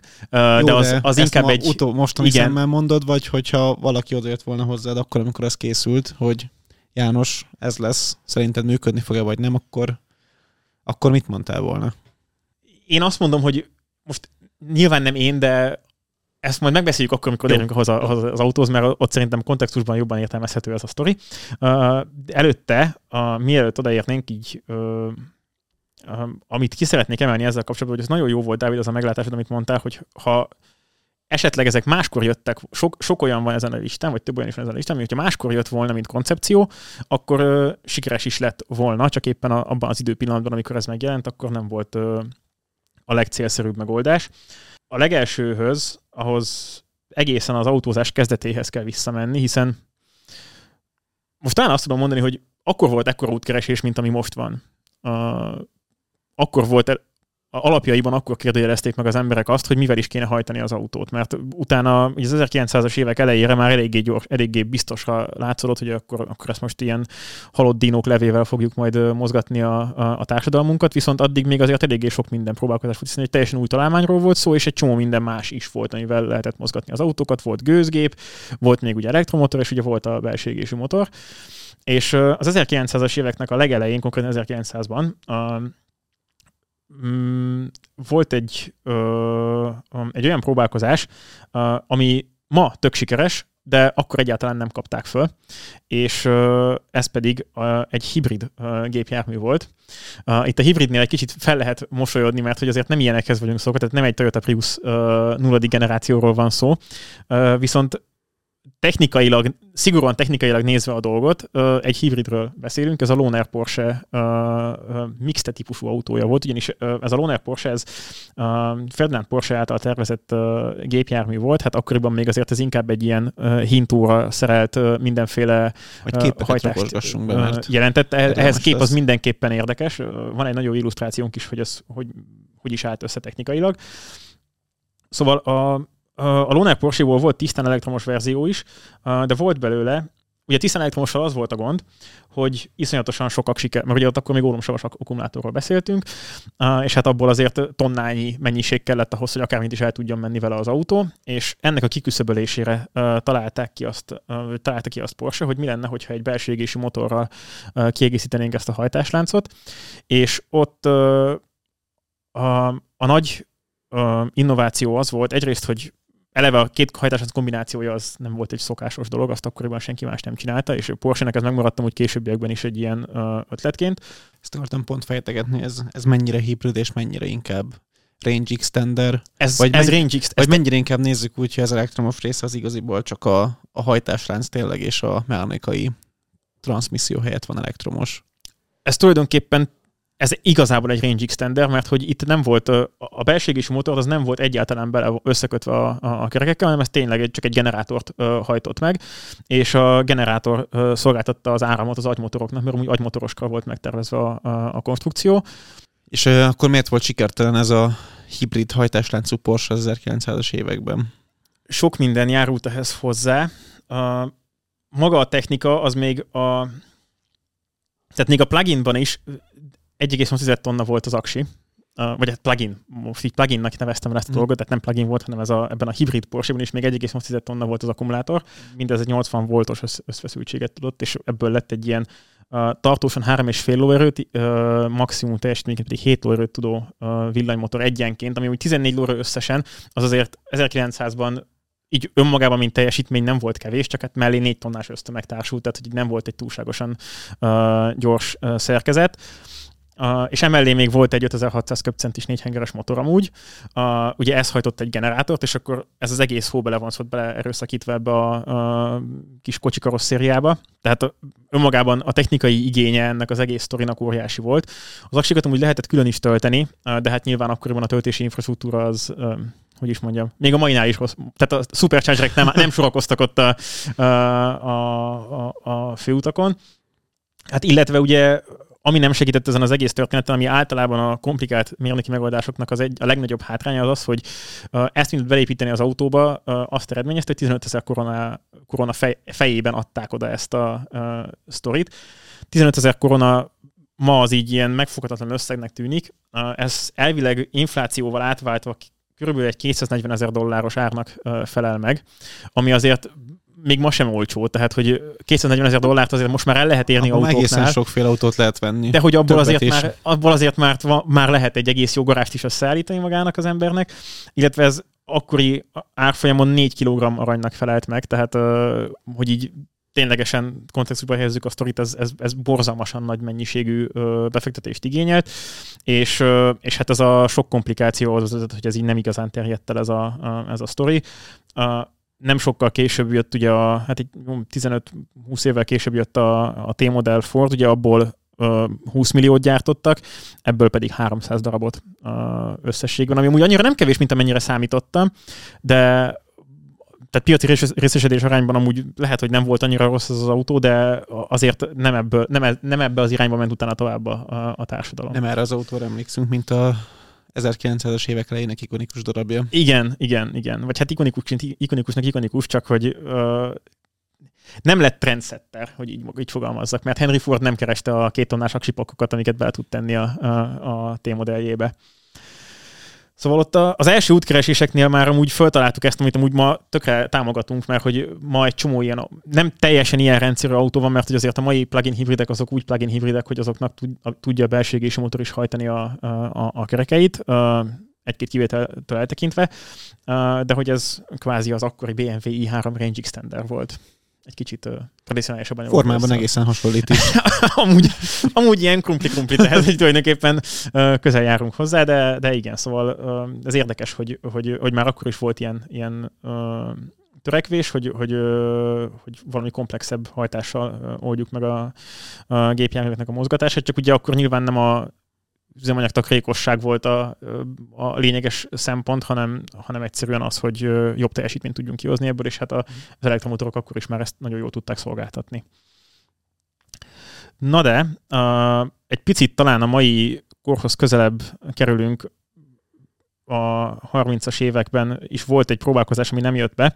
Ugye itt mind a kettő látszik, hogy ezek azért később, mint technikai megoldások, tehát ez a, ez a kombinált elektromos belső égésű hajtás, ez is megjelent, kicsit más formában, de azért, azért megjelent, és hát az aerodinamika is egy nagyon fontos szerepet játszik, ma már mindenképpen az autóiparban, de később is nagyon fontos volt, és ugye ott az 1900-as éveknek az elején kezdett el az emberiség repülni is, és akkor nagyon hirtelen ez nagyon nagy obsession lett mindenkinek, ugye akkor addigra már így 1930 környékére már át is repültünk az Atlanti óceánon, szóval így elkezdődött az a repülés dolog beépülni a köztudatba, és a Chryslernél kitalálták azt, hogy mi lenne, hogyha az autózásból is átvennénk valamit itt a repülésből, és csinálnánk egy olyan autót, aminek a formáját azt nem az éppen akkori divat határozza meg, hanem a szélcsatorna. Ugyanis akkor már volt szélcsatornája a Chryslernek, és az Airflow nevű autójuk, ami nagyon, hogy is mondjam, hozzáillő nevet kapott, hogy így finoman fogalmazzunk, az azért tűnt ki az akkori autók közül, majd itt teszünk egy párat, így ilyen, ilyen klasszik 30 évekbeli aut, amerikai utcaképet, és... Akartam mondani, ezt kontextusban érdemes bemutatni igen. szerintem, mert hogyha csak ezt az autót nézem, akkor ez egy szerintem 60-as években már elterjedt forma, amit Akkor látunk. igen, csak ugye ez 1934-ben e, e, került piacra. Egyébként jót mosolyogtam, mert a kép, amit belinkeltél, az így jelent meg először, és akkor néztem, hogy hú, ez valóban furcsán néz ki, aztán rájöttem, hogy az a vonat a háttérben. I- igen, egy, egy lokomotívról is loptak egy kis, egy kis ihletet a, a, a Chryslernél. Minden esetre ennek tényleg a, a fő célja ennek az autónak az volt, hogy az aerodinamikus formát azt beültesse a köztudatba, és, és ezt elfogadtassa a, a, a közzel, csak hogy akkoriban erre nem volt egyetlen vevő még a, a, az autós társadalom. Tehát ez nem Ugye a fogyasztásbeli előnyök azok nem voltak lényegesek, mert még olcsó volt az üzemanyag, sok is volt belőle, nem feltétlenül volt ez még annyira vásárlási szempont, és és hát inkább a, a, a megszokott forma után mentek a vásárlók, és ez nem ment egy sikeres uh, sztori, ez, a, az az Airflow, nagyon keveset adtak el belőle. Ma már nyilván emiatt uh, óriási értéke van egy ilyen autónak, uh, és... Ez gyakorlatilag a kor multiplálja nem arra a szempontból, de hogy... De a formai szempontból, igen. igen. Formai szempontból formai hasonlóan szempontból, megdöbbentő lehet, igen. mint mondjuk most a multipla. Nekem hogy az a fura, hogy, hogy alapvetően ez nem egy csúnya tárgy, tehát nem. hogy, hogy ez, egy, ez egy tök szép formájú kocsi, és nem értem, de hogy ez pont miért ezen nem volt. most azért jött eszembe multiplás hasonlat, mert így visszatekintve tényleg ez egy klasszikus autónak tűnik a igen. 900-as évek közepéről. Igen, tehát azért, azért annyira nem volt ez ö, nem egy, nem egy óriási elrugaszkodás volt, mert azért úgy megvolt nagyjából az a dobozform, tehát volt egy, volt egy motor, motorháza az autónak, volt egy utastere az autónak, jó, ez mind le volt kerekítve, meg ilyen cseppformájú volt a, a fara, de amúgy technikailag nem, tehát a, a lemezek alatt része, az, az amúgy szokványos volt, tehát nem volt semmilyen újítás, hogy mit tudom, mélyebbre húzták esetleg az alvázat, hogy alacsonyabb legyen az autónak az építése, vagy valami trükkös futómű, vagy, vagy ilyesmi. Tehát ezek így relatíve konvencionális dolgok voltak, csak a formája volt olyan, mm. amit egyszerűen nem vett be az akkori társadalom, és, és nem voltak rá uh, vevők. Pedig tényleg a, a, a, a közhangulatban még nagyon benne volt a repülés, tehát mindenki erre, mm. erre, erre a dologra vágyott. Úgyhogy ezek kicsit megégették magukat akkor, és hát ezt az aerodinamikai, aerodinamikus dizájnt, ezt így el is vetette a Chrysler szerintem eléggé sokáig, szóval így most nehezen, nehezen esik felidézni olyan autót, ami tőlük PT Cruiseres a megjelenése akár vele lehet látni ezt, bár mondjuk ez nem tudom, hogy mennyire, mennyire bók a, a szegény Airflow-nak, hogyha még egyszer így, még így ezzel is belerúgunk. És kinek? Igen, de a Kitty Cruisernek szerintem amúgy az. Nekem ez csak azért volt furcsa, mert tényleg, hogy így nem éreztem benne azt a nagyon nagy, hogy is mondjam, uh, megrázkódtatást, amit a, amit a, a, a és egyszerűen tényleg nem, nem foglalkoztak ezzel az autóval, mindenki vette tovább szépen ezeket a, az Al Capone gangster-szerű, nagyon-nagyon klasszik, keskeny kerekű, külön sárvédős, óriási tányérfényszorokkal ellátott uh, függőleges hűtőmaszkú autókat, míg ugye az Airflow az egy ilyen nagyon szépen lekerekített, uh-huh. lekerekített frontmaszkot, alakos, uh, szinte egybe voltak a sárvidők már a karosszériával, fellépője is sokkal keskenyebb volt, mint az akkori autóknak, és ugye ahol ugye sokat lehetett nyerni az aerodinamikában, az a, a hátsó kialakítás volt az autónak, mert akkoriban ezek a normál karosszériás autók, ezek egy-két sportautótól eltekintve uh, mind ilyen függőleges hátfalal rendelkeztek, ami aztán aerodinamikai szempontból tényleg annál sokkal rosszabbat nem tud tenni az ember, mert hogy ott az összes áramlásot leválik, és akkor egy ilyen óriási vákum keletkezik az autó mögött, vagy hát most az a vákum az nyilván idézőjeles vákum, de egy alacsony nyomású zóna keletkezik, ami fogja visszafele az autót, és ezt próbálták meg ellensúlyozni, és ténylegesen ez az autó nem csak ilyen, hogy is mondjam, ez a, a ökölszabály aerodinamikával készült, hanem ez volt szélcsatornában is, szóval erre így, így rá is mértek, hogy ennek valami értelme legyen. Azt hiszem ilyen nulla 30 valamennyi környékére vitték le a, az alaktényezőjét, ami, ami a 90-es években sem volt még egy rossz, uh-huh. ki, kiemelkedően rossz érték. Feltetted ezt a kérdést nekem, hogy mi az, amire azt mondtam volna még akkor is, hogy ez biztos, hogy nem fog működni. Szerintem a következő példák azok, amiknél uh, nyilván ilyenkor mi lett volna, ha, az egy nagyon, nagyon hát szép feltevés. Azt mondtad, hogy nem fog működni európai szemmel. Igen, de hogy az olajválságot már emlegettük, mint, mint nagy uh, autóipar felforgató tényezőt, és ez tényleg Amerikában nagyon-nagyon erős hatása volt az olajválságnak. Ugye 50-es, 60-as években Amerikának a gazdasága az brutál szinten szárnyalt, tehát ugye nekik a háború kevésbé volt, máshogy volt teher, mint, a, mint Európának, nem kellett új, újraépíteniük mindent, hiszen Pearl Harboron kívül máshol nem volt a területükön háború. Nagyon gyorsan tudtak visszaállni termékfejlesztésre és gyártásra, hiszen óriási uh, emberi erőforrás kapacitást halmoztak fel, uh, és uh, rettentő gyártási kapacitásuk volt, tehát ott minden megvolt ahhoz, hogy egy óriási konjunktúra legyen, és ez tényleg így is volt, tehát óriási növekedésen ment keresztül a társadalom, GDP nőtt, embereknek a vásárlóereje nőtt, és ez le, lenyomódott az autóparkon is, hiszen az 50-es, 60-as évek amerikai autói azok így a, tényleg a mai szemmel eszetlen túlzásról szólnak, tehát 6-7-8 ezer köbcent is jellemzően V8-as motorok, óriási, tehát 6 méter hosszú autók, ezt bárki, aki egy ilyen Cadillac uh, Series 62 esetleg megnézne magának, az látja, hogy itt egy méter hosszú volt a, csak az autónak a hátsó dísz léce, meg, meg ilyen, tehát feldolgozhatatlan méretek voltak uh, ott, és, és technikailag is amúgy sok mindent behoztak, tehát komfort elektronik, komfort felszerelések közül ugye a légkondicionálója az amerikai autóknak az híresen nagyon jó volt, tehát ilyen óriási hűtőszekrényi dolgokat építettek be az autóikba, és ezek, ezek nagyon nagy komfortot biztosítottak. Csak hát amiben nem voltak erősek az, az amerikai autók, az ugye az energiahatékonyság volt, mert hogy ugye rettentő olcsó volt az üzemanyag, és emiatt abszolút nem volt semmi, tehát a tervezési célok között még csak úgy halványan sem szerepelt valahova felírva, hogy akkor ezeknek nem kéne sokat enniük ugye az olajválság uh, is betett ennek a sztorinak, de az is, hogy addigra már rájöttek, hogy például a városokban ez közelélhetetlené teszi a levegőt, mert hogy addigra már annyi, rengeteg autó volt, sokat használtak ezek közül városban, és még a hivatalos fogyasztások is ilyen 25 liter környékén volt 100 kilométeren. Na most Meg itt ez... az ólom kérdés azért még aktuális És volt. ugye akkor még olmozott benzinnel, mindenféle kipufogógáz után kezelés nélkül, tehát ott az, a, ami a, az égéstérben történt, az utána úgy ment is ki szépen a, a, az éterbe. Jellemzően relatíve rossz keverékképzésű motorok voltak, tehát hogy itt, itt minden adott volt arra, hogy ez, ez egyszer csak így, így, így dugába dőjön ez a, ez a sztori, és az olajválsággal ezt törvényhozói oldalról döntötték dugába, méghozzá ugye itt a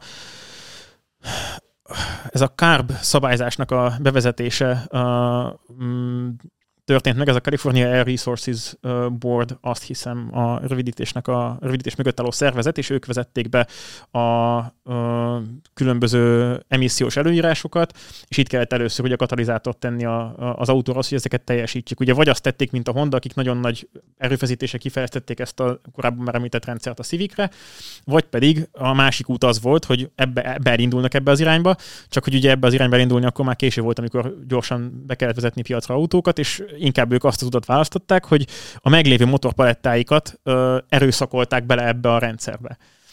A, ezek az óriási motorok, ezek ilyen 300, lassan 400 lóerőt tudtak azért így a 70-es évek elejére, tehát azért ezekben volt rendesen power, lehetett is velük szépen menni. Viszont technikailag nem voltak túl fejlettek, tehát ö, általában egy központi ö, többtorkú karburátor volt rajtuk, ami így öntötte a vizet a hengerekbe, és ugye különböző hosszúságú szívacsatornákon keresztül jutott el a különböző keverék a különböző hengerekbe, és akkor ott valami történt, és akkor abból a végén lett, ö, lett erő, de leginkább azért belőle erő, mert rengeteg benzin jutott be a hengerbe, és ez nyilván nem volt ilyen szempontból fenntartható, hogy ez, ö, ez így menjen tovább. Ö, és ezért elkezdtek kompressziót csökkenteni, ugye a kompressziót csökkentünk, akkor azzal megy lefelé a teljesítmény, aztán uh, ugye jött rá a katalizátor, uh, és akkor még mindenféle nyaláságokkal itt el uh, a motorokat úgy, hogy ezek valahogy beférjenek ebbe a, a szabályozásba. Na most ennek az eredménye az lett, hogy az autók nem változtak, tehát ugyanakkorák voltak, mint korábban, ugyanúgy ezek az óriási motorok voltak benne, csak sokkal kevesebb teljesítménnyel. Tehát a sokkal kevesebbet azt illusztrálnám is, mert ez így önmagában nem mond sokat.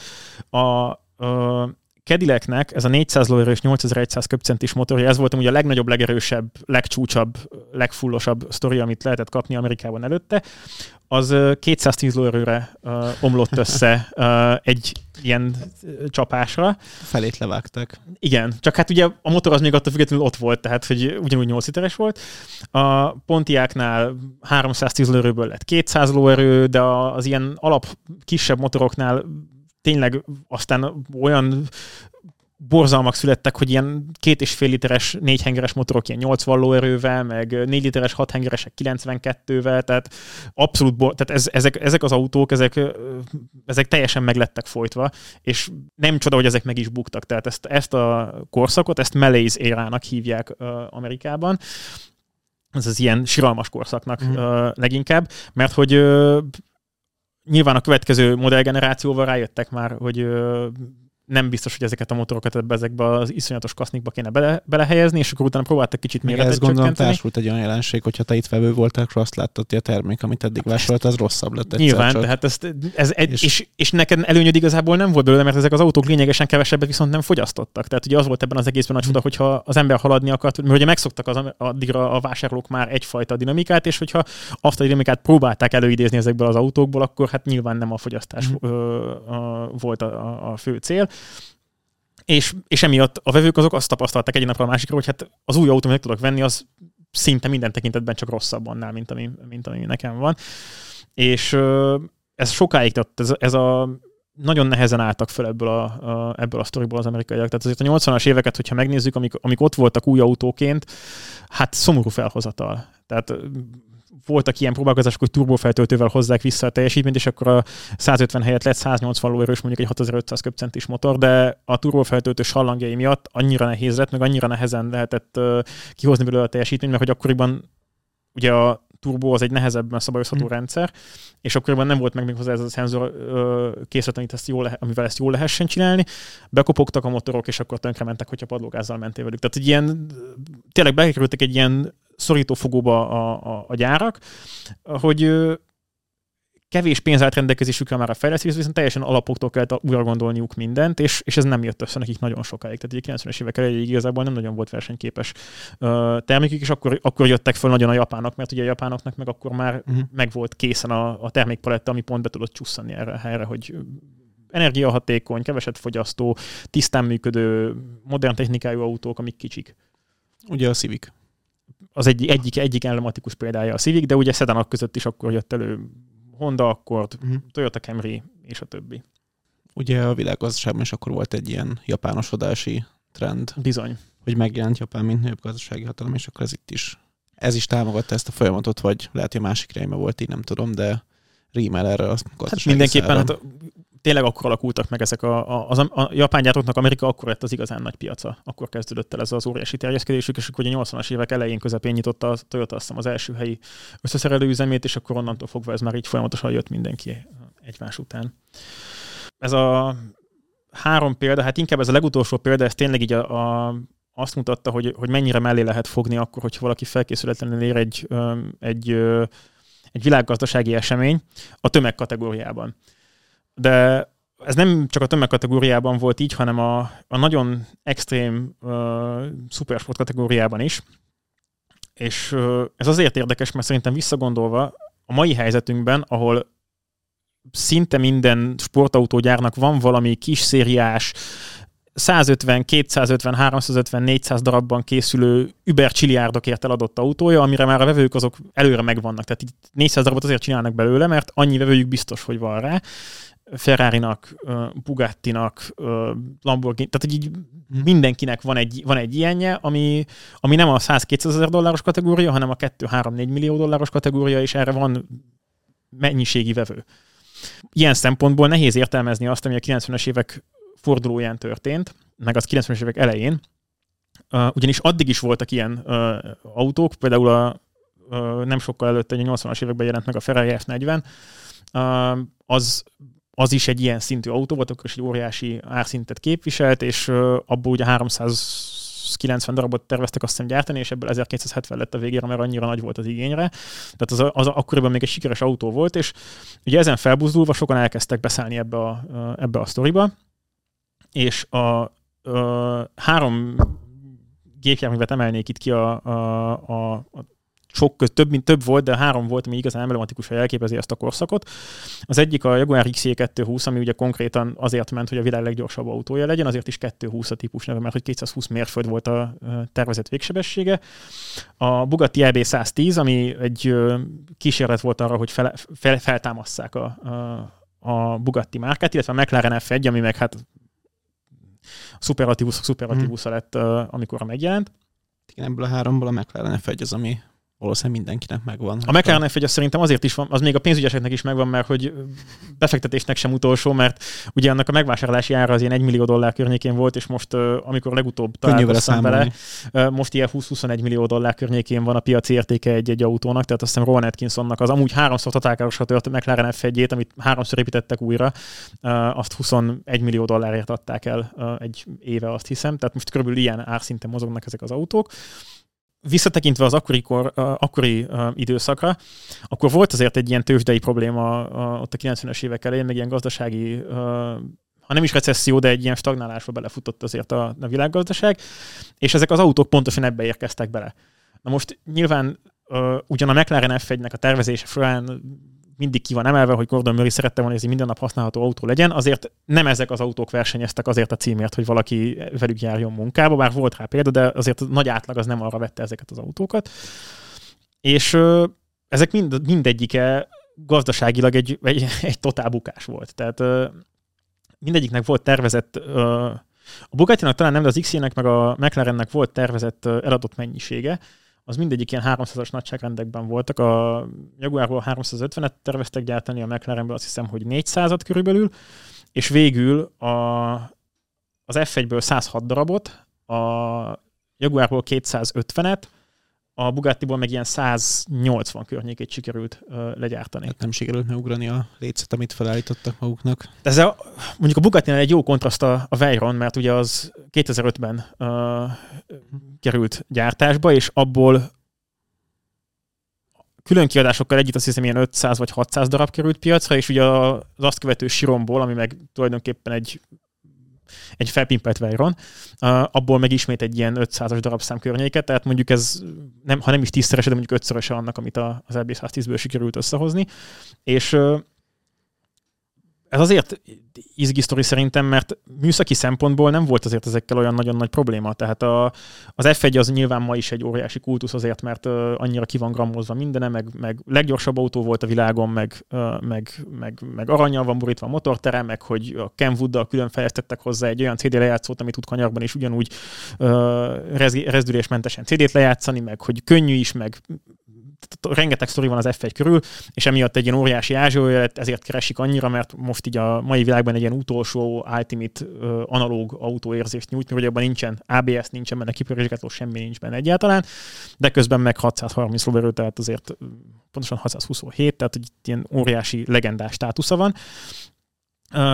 És a technikai adatok alapján nem kellett volna gondnak lennie ezt az autót eladni, és mégis ebből sikerült a három közül a legkevesebbet amúgy, tehát hogy mégsem kaptak rá annyira az emberek. Uh, ugye ott a millió dolláros autó akkor még nagyon-nagyon nagy kuriózum volt, tehát az nem, akkor nem volt ez a voltak nagyon drága autók, de nem volt ez a ez modellpaletta, mint most. Gyakori.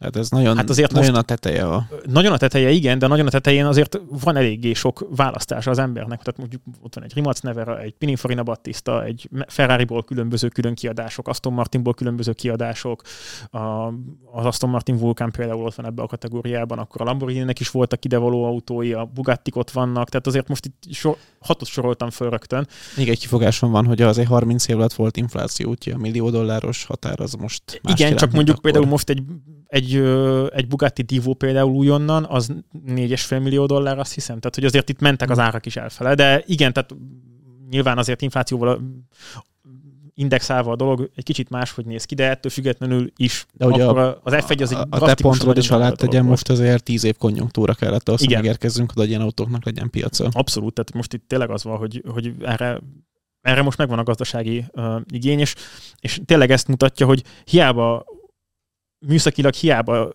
tud valaki kiemelkedőt alkotni, hogyha pont a rossz időszakban hozza azt piacra, akkor egyszerűen az, az bele fog állni a földbe. Ugye a Jaguar és a Bugatti azért nem volt ennyire egyértelmű, meg nincs ennyire egyértelmű megítélésük, mint a, mint a McLarennek, mert hogy a, ugye a Bugattiról a, pont a McLarennek a tervezője eléggé nyersen fogalmazott, ő szerinte az egy hát nem, nem egészen piacra való autó, mert hogy nehézkes volt, meg, meg ugye az az egy borzasztó komplikált sztori volt a McLaren. A McLaren az egy analóg autó, szívómotorral, kéziváltóval, hátsó kerékhajtással, egy ilyen nagyon uh, nagyon szikár felépítésű kocsi. Az RB110 az meg ugye az is teljesen karbonkevlár karosszériás volt, viszont abban egy pici motor volt, nagyon sok szeleppel, nagyon sok hengerrel és nagyon sok turbófeltöltő, az is négy turbófeltöltős 12 hengeres motor volt, 3,5 literes, összkerékhajtásos, kéziváltós, de abban rengeteg luxus felszerelés is volt, tehát hogy az klímás volt, meg, meg ilyen mindenféle GT dolgok benne voltak.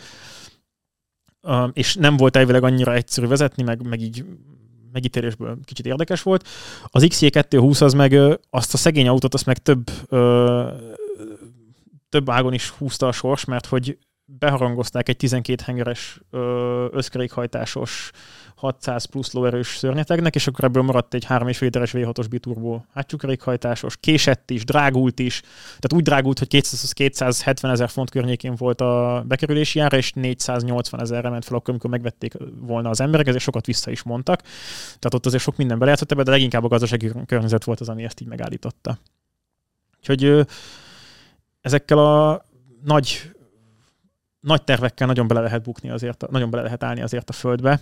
És hát ez egy ilyen átvezetés is lett volna az egyik legszomorúbb a, a listán, ahol szerintem mind a kettőnek vérzik a szíve egy kicsit. Egy perc néma csend. Akár többet is megérdemelne szegény Alfa Romeo, mert uh, megpróbáltak a lehetetlent, és megpróbáltak a, visszajönni a, uh, abba az Ázsióba, ami pontosan ezen a 60-as, 60 évek környékén volt nekik. Uh, 2015-ben volt ugye ez a nagy újrafeltámadása a cégnek, amikor már nem volt igazából autójuk a piacon, tehát akkor a Giuliettát lehetett megvásárolni, és meg a Mitót még talán. Uh-huh. De hát az Alfa Romeo egykori presztízséhez képest ezek az autók azért nem azt a szintet képviselték. Kifejezetten érdekes, hogy az 159-es megszüntével négy év kellett ahhoz, hogy bizony. legyen valami ebben a pozícióban bizony, szerintem. Bizony és ott nem is tudom, hogy ott a fejlesztések hogy alakultak meg, akkor mikortól lett igazán pénz a Giuliára, meg, meg hogyan, de hogy, de hogy az Alfa Giulia, amilyen csodálatos autóként megénekelte mindenki, és amennyire még a amin én meglepődtem, még a szakma is nagyon, tehát az újságírói, meg a, az ilyen hype szakma is jól fogadta, meg műszakilag egy borzasztó igényes dolog, hát nem váltotta be a hozzáfűzött reményeket, finoman szólva. Hát piacilag nem, de ugye Felfűtötte az alfás közösséget, az biztos. Tehát hát, igen. Rengeteg mindenki vágyik arra az autóra, de amikor odaérünk, hogy vásárlási döntést kéne meghozni, akkor azért az nagyon sokat mond szerintem, hogy azt hiszem 21-es adatokat tudok idézni. Ott egy évben 50 ezer darab Alfa Romeo adtak el világszinten. Giuliát vagy Alfa Romeo? Alfa Romeo-t. Tehát akkor már Stelvio is volt. És ezzel szemben uh, Lancsából, amit szerintem sokan nem is tudnak, hogy még van, mert hogy tényleg csak Olaszországon belül működik a Lancia, uh, abból 70 ezeret adtak el egy piacon. És ez szerintem mindennél jobban leírja azt a káváriát, amit át kell élni a szegény Alfa most. Hiába van náluk a, az ütőkártya azzal, hogy megcsinálták a legjobban vezethető sportszedányát a világnak. Az a baj, hogy nagyon kevés ember van, aki autót azért vásárol, mert szeretne vezetni. És ez megérkeztünk a, a hogy is mondjam, a kulcsmozzanatához a Giuliának, hogy akkora készült el, amikor már nem volt érdekes az, amit nagyon jól tudott. Szóval ez egy szomorú sztori.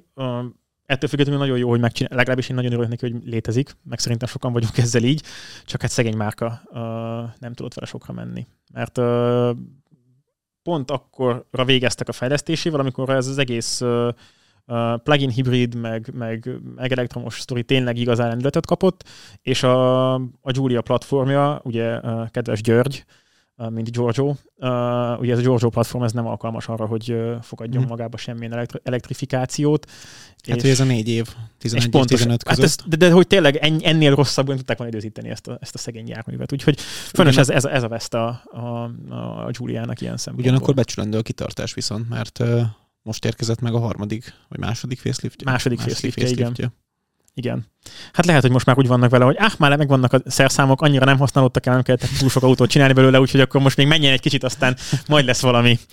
Uh, minden esetre uh, kitartást Alfa Romeo, és hát örülünk, hogy létezik a szegény Giulia, csak hát több embernek kéne vásárolnia ilyet. De ugye ezek tényleg valós gondok, mert uh, a, az autóvásárlást azért pénzügyileg nagyon befolyásolja az, hogy, hogy mivel jár később az autó, és mondjuk mivel az új gépjárműveknek nagyon-nagyon kis részarányát veszik meg teljes áron készpénzre, ezért a finanszírozási iratkozók nagyon-nagyon fontosak, és hát azt ugye teljesen bezuhant egy, egy csak belségési motorral vásárolható autónál. Úgyhogy itt ez, ez kivégezte szegénynek az esélyeit. Sajnos. Bizony. És hát utó, legutoljára ö, egy kicsit clickbaites dolgot hoztam, Megtörted az időrendi sort így a végére. Megtörtem az időrendi sort, igen, mert az utolsó példa, amit hoznék, az előremutatónak mindenképpen előremutató. Abszolút nem illik abba az idő, időt a, idő világba, amikor ez megjelent.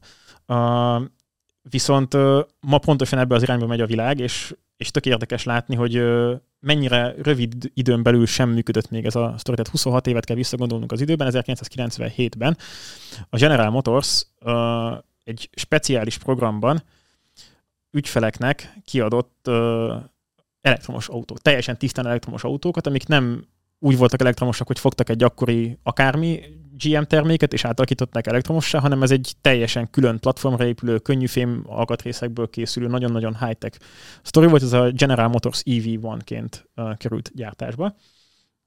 Uh, és Azért tettem ezt a végére, mert én nem tudom eldönteni, hogy most ez akkor siker volt-e vagy sem, mert egy tök értekes megítélés. Nem tudom, mennyire ismered ennek a sztoriát, Dávid. Ö, a képet láttam már, viszont uh-huh. a teljes sztorit azt, azt nem. Na mert hogy ez, ez úgy volt a, a, az EV-ban, hogy a GM egy teljes modellpalettát felhúzott erre a, a gépjárműre. Ugye ennek az volt a lényege, hogy ez, ez az első külön teljesen elektromosnak tervezett autó. A teljesen elektromosnak tervezett azért vicces, mert amúgy volt belőle CNG-vel hajtott uh, hibrid, meg volt belőle dízel hibrid is, azt hiszem, ne, gázturbinás hibrid, uh, dízel hibrid, meg ugye volt belőle ez a teljesen elektromos verzió, mm. ami aztán végül kikerült az ügyfelekhez, és uh, ez igazából a GM ezzel egy ilyen, nem tudom mi volt a szándékuk, mert az autót nem lehetett megvásárolni, hanem csak leasingelni lehetett, és a leasing végén nem volt opció arra, hogy kivásárold az autót, hanem azt a GM visszavette, és a visszavétel után ezeket az autókat be is zúzta rögtön. Ugyanis az volt a mondásuk, hogy ő szerintük ez nem lenne pénzügyileg fenntartható ez a gépjármű, és... Akkor miért kezdték el? És nagyon-nagyon sok Összeesküvés elmélet is van erről a sztoriról, mert nagyon-nagyon sok valós uh, információ is megtalálható az interneten erről a dologról. Erről egy külön adást lehetne szerintem ennek szentelni, meg amúgy egy What Killed the, vagy Who Killed the Electric Car címmel volt egy dokumentumfilm is erről. Mert ugye az volt az érdekesebben a sztoriban, hogy a GM kvázi erőszakkal vette vissza az ügyfelektől az autót, mert az ügyfelek nagyon szerették. Tehát sokan voltak, mm. akik ezt szívesen vitték volna tovább a leasinget is, vagy kivásárolták volna az autót, és erre is azt mondta a GM, hogy nem. Uh, és ez nem egy ilyen tíz darabos kis széria volt, hanem ebből egy ilyen két modelléven keresztül gyártották a kocsit, és pár ezer darab is talán volt belőle, egy ilyen rendes mennyiség volt belőle, kétféle akupakkal volt elérhető, volt egy, ö, ö, egy litiumionos, meg ö, volt egy ólomsavas aksis is, nyilván az egyiknek adnak kétszer akkor volt hatótávja, mint a másiknak, de hogy alapvetően ez egy ö, kvázi használatra kész autó hmm. volt, töltőt fejlesztettek hozzá, töltőket telepítettek itt-ott, lehetett akkoriban használni, és szerették a tulajdonosok, és mégis az lett a végeredménye ennek a történetnek, hogy ezt itt ö, nagyon szigorúan a GM visszavette az autókat, bezúzatta, amiket bezúzatott, és 40 darabot tartottak meg ilyen múzeumi használatra, és a 40 darabból egyetlen darab van, aminek még elvileg aktív a hajtáslánca, és még működik. És az összes többinek úgy deaktiválták a hajtásláncát. Ez egyébként így ebben a kontextusban egészen szürreálisan hangzik, hogy ez miért volt ilyen. Igen, ilyen határozott keretekkel igen, körbe rajzolva. Igen, igen, igen, és ugye emiatt van egy csomó, uh, hogy is mondjam, összeesküvés emléletem őket, hogy biztos az olajlobbi, meg hogy most ezekben aztán végképp említeni is akarnám őket, mert, uh, mert rengeteg uh, ilyen uh, sztori van mögötte. Uh, én nem tudok e fölött állást foglalni, hogy ez most akkor sikeres volt vagy sem. Az biztos, hogy ha vevői visszajelzésekre alapozunk, akkor elvileg vevők nagyon szerették az autót, és nagyon szerették használni is, és szívesen használták volna még. Hát ezzel a 90 mérföldes hatótávval simán egy és az a, használható városi autó. Ugye? És ugye az a 90 mérföldes hatótáv, az a rosszabbik akupakkal volt. Elvileg a litiumionnal azzal ilyen 120-140 mérföldig tudták ezt el, el felsófolni, hogyha uh, valós használatot nézünk. Szóval, és tényleg minden fel volt szervezett, tehát hogy ez egy kényelmes, komfortos, uh, mindennapi használatra alkalmas autó volt. Ugyancsak két személyes, de ettől függetlenül egy, uh, egy modern termék volt teljes mértékben minden szempontból. Abszolút az. Ez Priusabb autó volt formára a Prius előtt hát ha már beszéltünk itt korábban az égenállásról, ez nekem is ma, vagy hát így a, a felkészülésben volt egy új információ, hogy ennek az autónak az alaktény az 0,19 század volt, és ugye mellé pici volt a homlok felülete is, tehát mm. itt a mhm. aerodinamikában azért tényleg nagyon-nagyon sokat uh, sikerült uh, kihozni ebből a mérnököknek. Szóval ez, ez egy nem kis uh, mérnöki ráfordítással létrehozott projekt volt, tehát maga mm. az alapja az autónak is teljesen egyedi volt, tehát hogy azért mindig az szokott lenni a gond a, a legnagyobb költséget azt szokta jelenteni a, az új autóknál, hogy kifejeztünk egy platformot, ennek volt egy teljesen egyedi platform, ami könnyű filmből volt készítve. Szóval végtelen energia, meg végtelen mérnöki ráfordítás, és akkor annak a vége ez lett.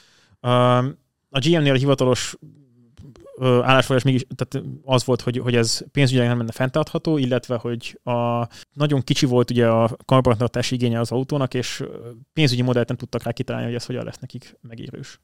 Uh-huh. Mert ugye nagyon sok bevétel... Keveset kellett már menni szervizbe. Igen, nagyon sok bevétel származik a cégnek abból, hogy ugye adnak el uh, alkatrészeket, és az, ennél az autónál ez nem volt igazából igény. Úgyhogy ennek a szónak ez a vége. Én nagyon kíváncsi lennék, hogy uh, a, a nézőink mit gondolnak erről az utolsó, hogy ez most akkor siker volt-e, nem volt siker, hiszen ma meg, hogyha körülnézünk az autó, autóiparban, akkor ez az irány. Tehát a, a GM 26 évvel ezelőtt erre már átalált, és ott, ott hagyták, és most nagyon-nagyon nehezen uh, érik utol a, a, a piacot. Kicsit hasonló a szituáció az i3-mal egyébként, hogy a BMW Igen. is előbb volt jó hibrid gyártó, mint bárki más, és egy kicsit bele is fürödt ebbe. És a BMW az, hát ugye, sőt, az i3 az inkább nem is hibrid, hanem az tényleg egy elektromos autónak fogható. Az én, én szemben szerintem elektromos autónak fogható fel elsősorban, és pont annyival voltak el, mindenki előtt, hogy, hogy éppen már ne kapják fel annyira hmm. az autót, amennyire felkaphatták volna.